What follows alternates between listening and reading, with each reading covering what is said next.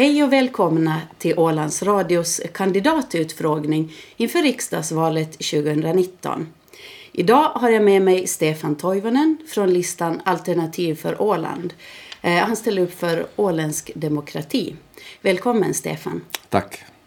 Ja, om vi skulle börja med en eh, kort introduktion. Vem är du? Ja, Stefan Toivonen, jag från Mariehamn. Eh, ekonomia magister till utbildningen. 63 år om man ska ha ålder också. Mm. Okej. Eh, har du några fritidsintressen som ligger dig särskilt varmt om Ja, hjärtat? det är ju, bortsett från politiken då, så är det ju triathlon som är mitt stora intresse. Jag var med i mitt 30 halva Ironman i fjol och tränar på mitt cirka 31, jag vet inte exakt hur många. Så. Var tävlar du? Jag tävlar på min andra hemmaplan, det vill säga Portugal. Det är en tävling i Cascais, tre kilometer därifrån jag bor. Mm. Kan du berätta kort vad Ironman är? Ja, den sträckan jag har så simmar jag 1,8 kilometer, cyklar 90 och sen springer jag 21. Jag hade 25 grader varmt senast, så det är lite varmt också. Så det krävs uthållighet. Uthållighet och för mig, jag tränar regelbundet i princip varje vecka, så att här är det mest simningen som jag kör. Nu borde det vara bättre att jogga också. Mm. Okej. Eh, vi hoppar över på politiken. Eh, när och varför började du engagera dig politiskt? Ja, alltså jag har ju, jag hade skrivit insändare i 43 år redan när jag gick i skolan så började jag. Eh, från och till i olika ämnen, mest tangerade ekonomi. Sen skrev jag ju då, det är lite över fyra år sedan, så skrev jag en insändare då som berörde flyktingpolitiken. Det var första gången som jag skrev någonting om det. Och och eh, det blev ju mycket reaktioner, jag mera än, än på alla de andra jag hade skrivit tidigare. Och, eh, ja, det ena ledde till det andra och jag, det var ju, var ju val på hösten så jag tänkte att jag vill inte dö nyfiken som jag säger så att jag ville testa att kan man komma in utan mer än, ja det är en annons. Och eh, ja, jag kom in i lagtinget så att det gick. Mm.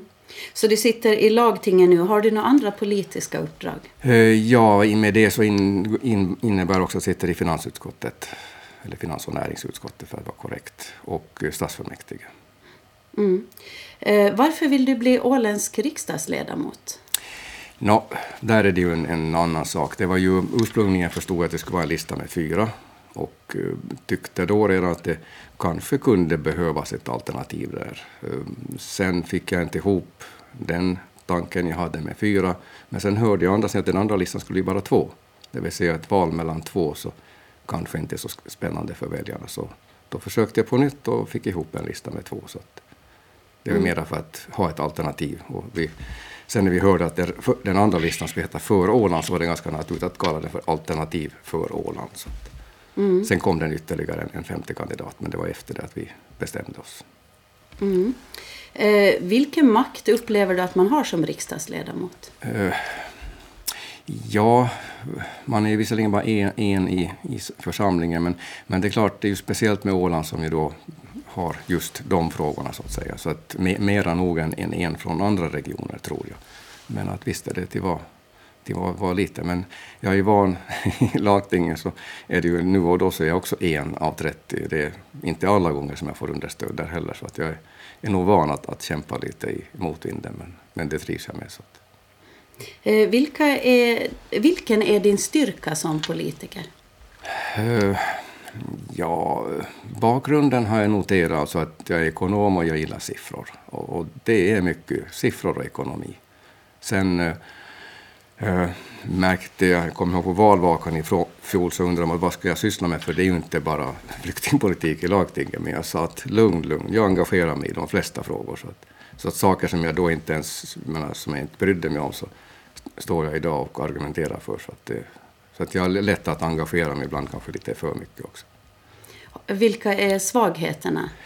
Ja, det är väl en kombination där, för jag är ju jag är rätt optimistisk. Så att, eh, jag tror ju varje gång att, att jag, en av 30, ska kunna förändra. Men jag lyckas ju inte alla gånger om man säger. Så att, men eh, sen när jag då har förlorat en debatt, det var en gång som Speciellt först var jag inne i debatten och fick inte ens understöd och sen kom det en ny debatt och där stod jag igen och försökte övertyga dem om att jag hade rätt också den gången. Så att jag, jag kan nog ta de där förlusterna som det blir och samma sak är det i riksdagen. Man är, vinner inte alla kamper där heller. Men vilka frågor tror du i riksdagen att du skulle kunna påverka mest? Ja, där är det ju en annan sits, för där är det ju Åland först, så att säga, de åländska frågorna. Så att det är inte bara vad jag har för intresse, utan det är ju åländska frågorna.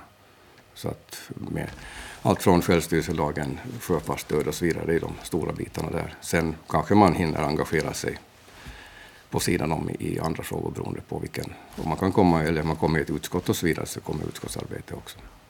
Eh, hur skulle du arbeta då för eh, reformeringen av självstyrelselagen? Ja, vad jag förstått så är det ju en e-, bred enighet om att det gäller att, att starta direkt, det vill säga försöka få in någonting i regeringsprogrammet helt enkelt. Så det är egentligen första uppgiften som den nya riksdagsledamoten har. Så att, att börja den vägen så före regeringen har, har tillträtt till och med.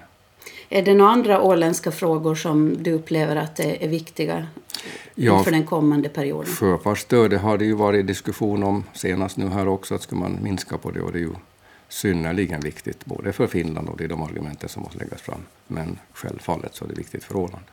Mm. Eh, Finlands ekonomi eh, är ju lite svajig just nu. Har du några nå förslag på hur man ska kunna förbättra Finlands ekonomi? Ja, eh, i relation så är ju faktiskt Finlands ekonomi nu bättre än Ålands ekonomi, för det är här vi har svajigheter. Men, men Finlands ekonomi går ju bättre nu tack vare det här konkurrenskraftspaketet som ju inte var omtyckt. Men som, som ekonom förstår jag att det är väldigt viktigt att... Ja, det är klart att lönerna är inkomst för ena men det är kostnad för den andra. Så i och med den reform som gjordes, det var inte lätt att, att ro, ro i land, men tack vare den så har vi fått en förbättring i ekonomin i Finland. Men vilka vidare åtgärder skulle du kunna tänka dig angående skatter till exempel? Ja, det är inte lätt att göra något åt skatterna när man har underskott i budgeten. Så att det är nog moderat, visserligen hellre skattesänkningar än, än utgiftsökningar, men, men, det är inte lätt, det finns inte marginaler. Så det, är, det är visserligen lätt att säga att sänka den skatten och sänka den skatten, men då är det större underskott. Jag är, ja. jag är inte den som propagerar på det sättet. Men kan du tänka dig att höja någon skatt? Uh, nej, jag har fått den här frågan tidigare och, och det här med klimat har ju varit, varit inne. Och jag skulle säga snarare då, både med tanke på klimat och hälsa, så kunde man kanske då sänka matmomsen för grönsaker och fisk har jag föreslagit.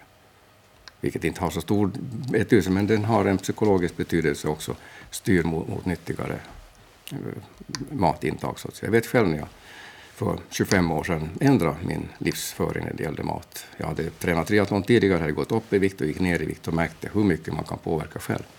Så att där blev jag. Men, och det har jag debatterat mycket här på Åland, men det är inte så många som vill debattera sådana saker. Så att Men om man sänker en skatt så, så minskar ju inkomsterna till staten. Var ska man väga upp det då? Ja, ja. No, det, den, den momsen så är inte någon stor del, så att det, finns, det finns säkert alternativ där. Och som sagt, Finlands ekonomi börjar vara i balans, så att, så att små sänkningar klarar men inte stora reformer som kostar mycket.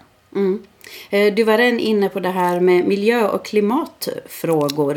Eh, det är, det är en av sakerna som du också driver i din kampanj. Hur mm. ser du på, på de frågorna?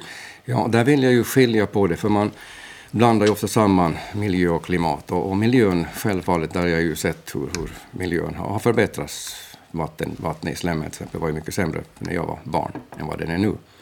Eh, så att när det är miljön så kan vi göra förbättringar. Men när det gäller klimatet så, så som jag har läst en hel del och när man funderar hur, hur många gånger vi har haft istider de senaste miljonerna år. Vi har haft två kilometer is ovanför oss och ibland har vi haft palmer i Finland. Så att klimatet ändrar och jag tror inte att vi kan påverka det utan vi ska fokusera på miljön.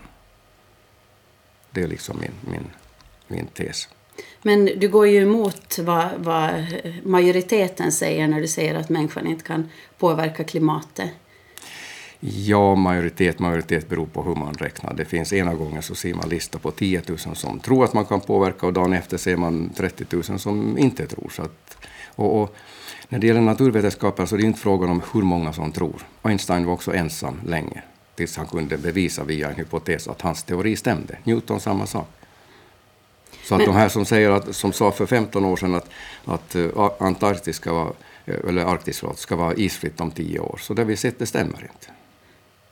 Så du menar att människan kan inte påverka eh, hur isarna smälter och glaciärerna nej, försvinner? Där, nej, därför att det naturliga som vi, vi har en uppvärmning nu, det har vi haft sedan så kallade lilla istiden som slutar någon gång, ja, början, mitten på 1800-talet. Sedan dess har vi haft en uppvärmning. Det hade vi under 1800-talet och det har fortsatt nu under 1900-talet, oberoende av människans aktivitet.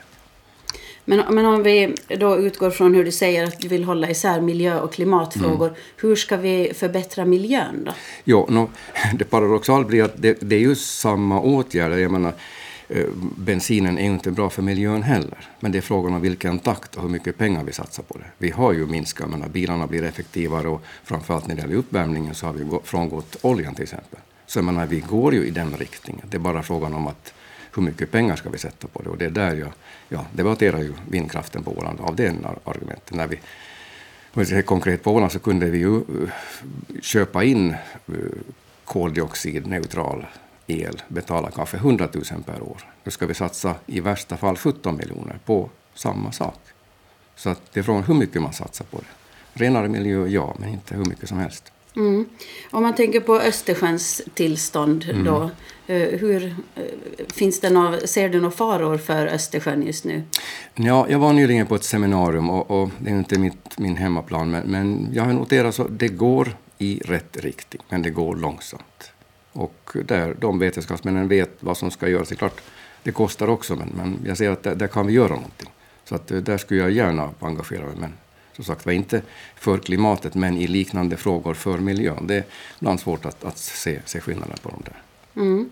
Eh, men energiproduktionen sa du att du kan tänka dig att vi köper in in eh, fossilfri energi, mm, mm, men att vi inte producerar egen. Ja, för att tittar man på EUs målsättningar så har de ingenstans inskrivet att det ska produceras lokalt, utan det är konsumtionen. Det finns ju många områden som inte producerar. Jag tänker bara där jag är i Portugal, inte har vi någon, någon energiproduktion lokalt, utan det produceras ju för hela landet. Så det, men det är någonting som regeringen här har satt upp som mål, att det ska produceras lokalt. Och det, det, de orden, lokalt, det är det ordet som kanske kostar, i det här fallet, 15 miljoner. Mm. Men sen igen, så har jag ju här diskuterat att vi ska ha gasbilar som ett komplement, då inte bara elbilar som man talar om. Och det är ju det som är politik på fastlandet. Så jag noterar i debatten att här står jag som en av 30 i riksdagen, så skulle jag vara i majoritet.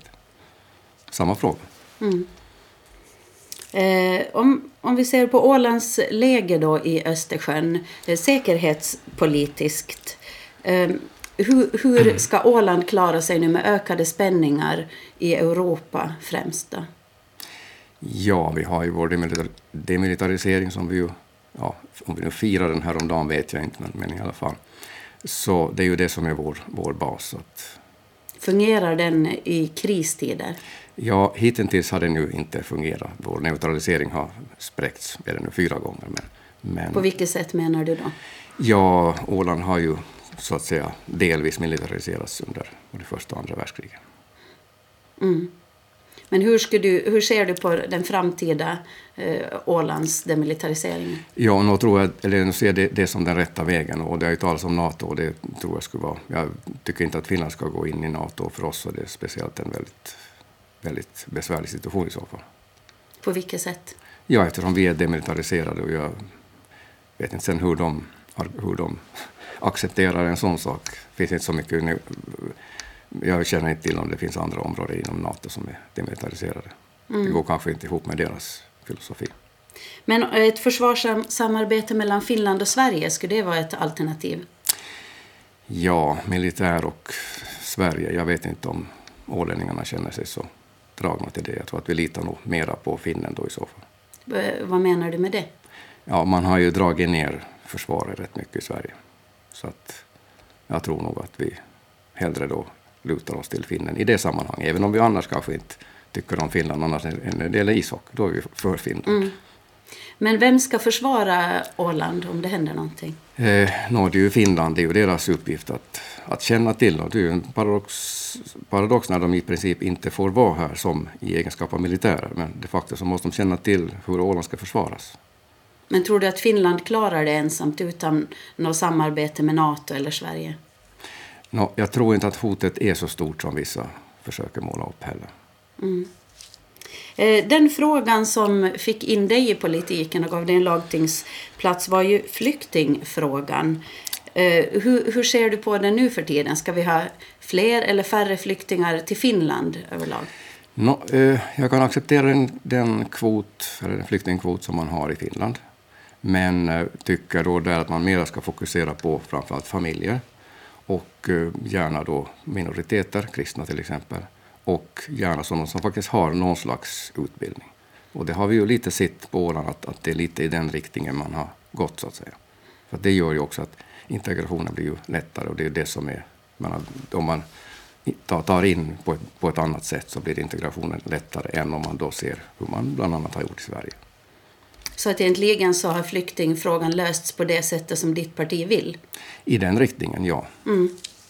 Så att den frågan behöver du inte kämpa för längre.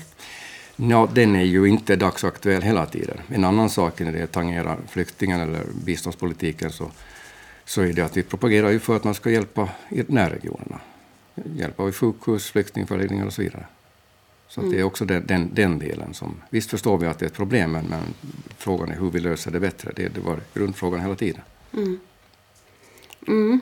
Eh, hur tror du att eh, ditt sätt att arbeta i riksdagen, hur kommer det att skilja sig från, från den tidigare riksdagsledamoten Mats Lövströms arbete? Ja, det är svårt att säga för jag vet ju inte exakt hur han jobbar. Jag ser ju lite via, via media. Men, men eh, jag tror att en sak jag funderar på att eh, det är ju ganska, eller ska säga, SFP har ju länge varit med i regeringen, nu är SFP inte med. Och och jag tror där det ska vara bättre att den åländska riksdagsmannen skulle vara antingen neutral eller då stödja regeringen normalt så att säga i frågorna, utom då när det berör Åland. Det är då som han ska ha åländska linjen. Och det är ju faktiskt en sits som jag också gör i lagtinget. Jag, väl, jag tror inte att någon annan ibland faktiskt röstar för regeringen. Jag röstar inte alltid emot. Ibland lägger jag ner min röst och ibland röstar jag, eller många gånger röstar jag emot, men jag röstar också ibland för. Och det tror jag att man på det sättet mer att man inte bara säger nej, nej, nej, utan man kan vara mer nyanserad. Men eh, du säger att du inte har följt med riktigt vad Mats Löfström har gjort i riksdagen. Ligger det inte i ditt intresse att, att veta vad det är som väntar dig ifall du skulle bli invald? Jo, eh, å ena sidan, men eh, Problemet som jag sa, jag engagerar mig väldigt mycket i det jag håller på med och då vill jag fokusera på mitt jobb nu som lagtingsledamot. Så att visst, men amerikanska presidentvalet var en, en annan sak som folk pratade om, men som jag valde att i princip läsa rubrikerna. För att visst, jag skulle ha engagerat mig på det skulle jag satt ner en massa tid där. Samma sak när det gäller riksdagen. Så jag, menar, jag vet vad som, vad som händer, det är inte frågan om, om det. Men så att säga hur han gör och så vidare och alla frågor så är framförallt det finns många ärenden som inte berör Åland. Då. Och då vet jag att eh, det är bättre för mig att, att inte engagera mig för mycket. Det, det är som mm. jag sa, det, engagemanget har, har en, en, kan ha en baksida också. Men hur ser du på, på den åländska riksdagsledamotens roll då i samarbeten, eh, samarbeten liksom över partigränserna mm. i riksdagen? Ja. Eh, det tror jag är en, en, viktig sak. Det är inte bara samarbete där, det är ju samarbete hit också. Men man är ju inte ensam. Där har man ju sekreterare och regeringen här och så vidare.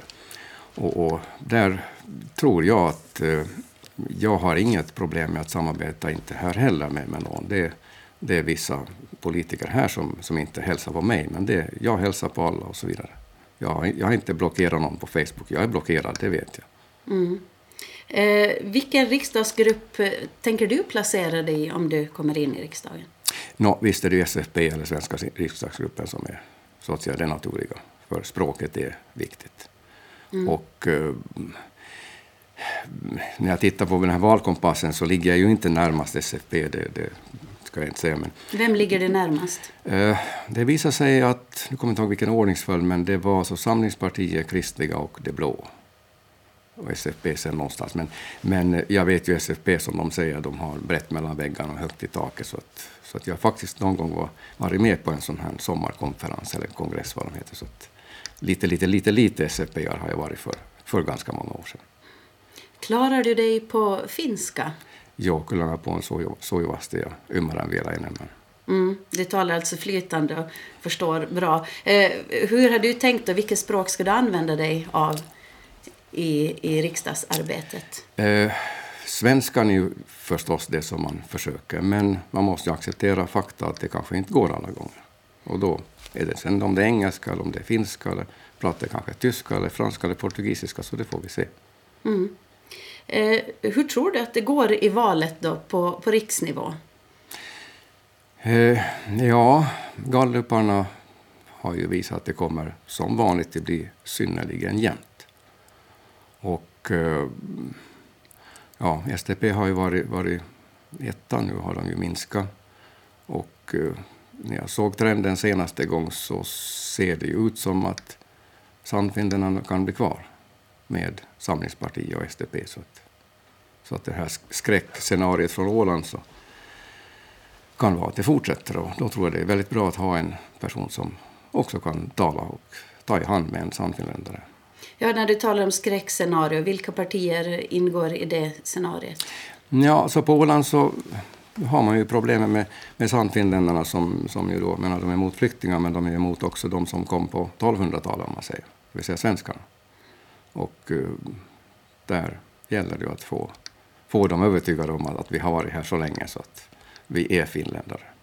Vilket parti är det som står närmast eh, åländsk demokrati? Ja, vi har, ja, vi har nog inte egentligen någonting som står närmast. För som sagt, okej, okay, viss, vissa frågor, men sen är det ju andra som är svårare att överbygga. Så att jag känner inte att vi har någon på det sättet. Mm. Eh, vilka resultat tror du blir bäst för Åland och vilket parti ska bli störst för att Åland ska få eh, bra fyra år nu efter det här skräckscenariet?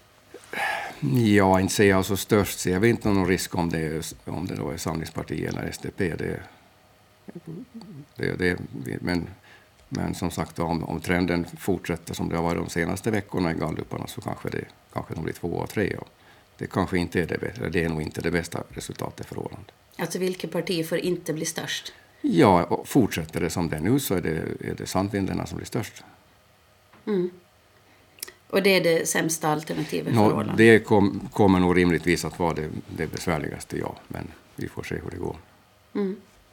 Okej, med de orden så tackar jag dig, eh, Stefan Toivonen, och önskar dig lycka till i valet. Och eh, vi tackar härifrån eh, och påminner om att ni ska rösta i riksdagsvalet den 14 april. Förhandsröstningen pågår 3 till 9 april. Tack för oss.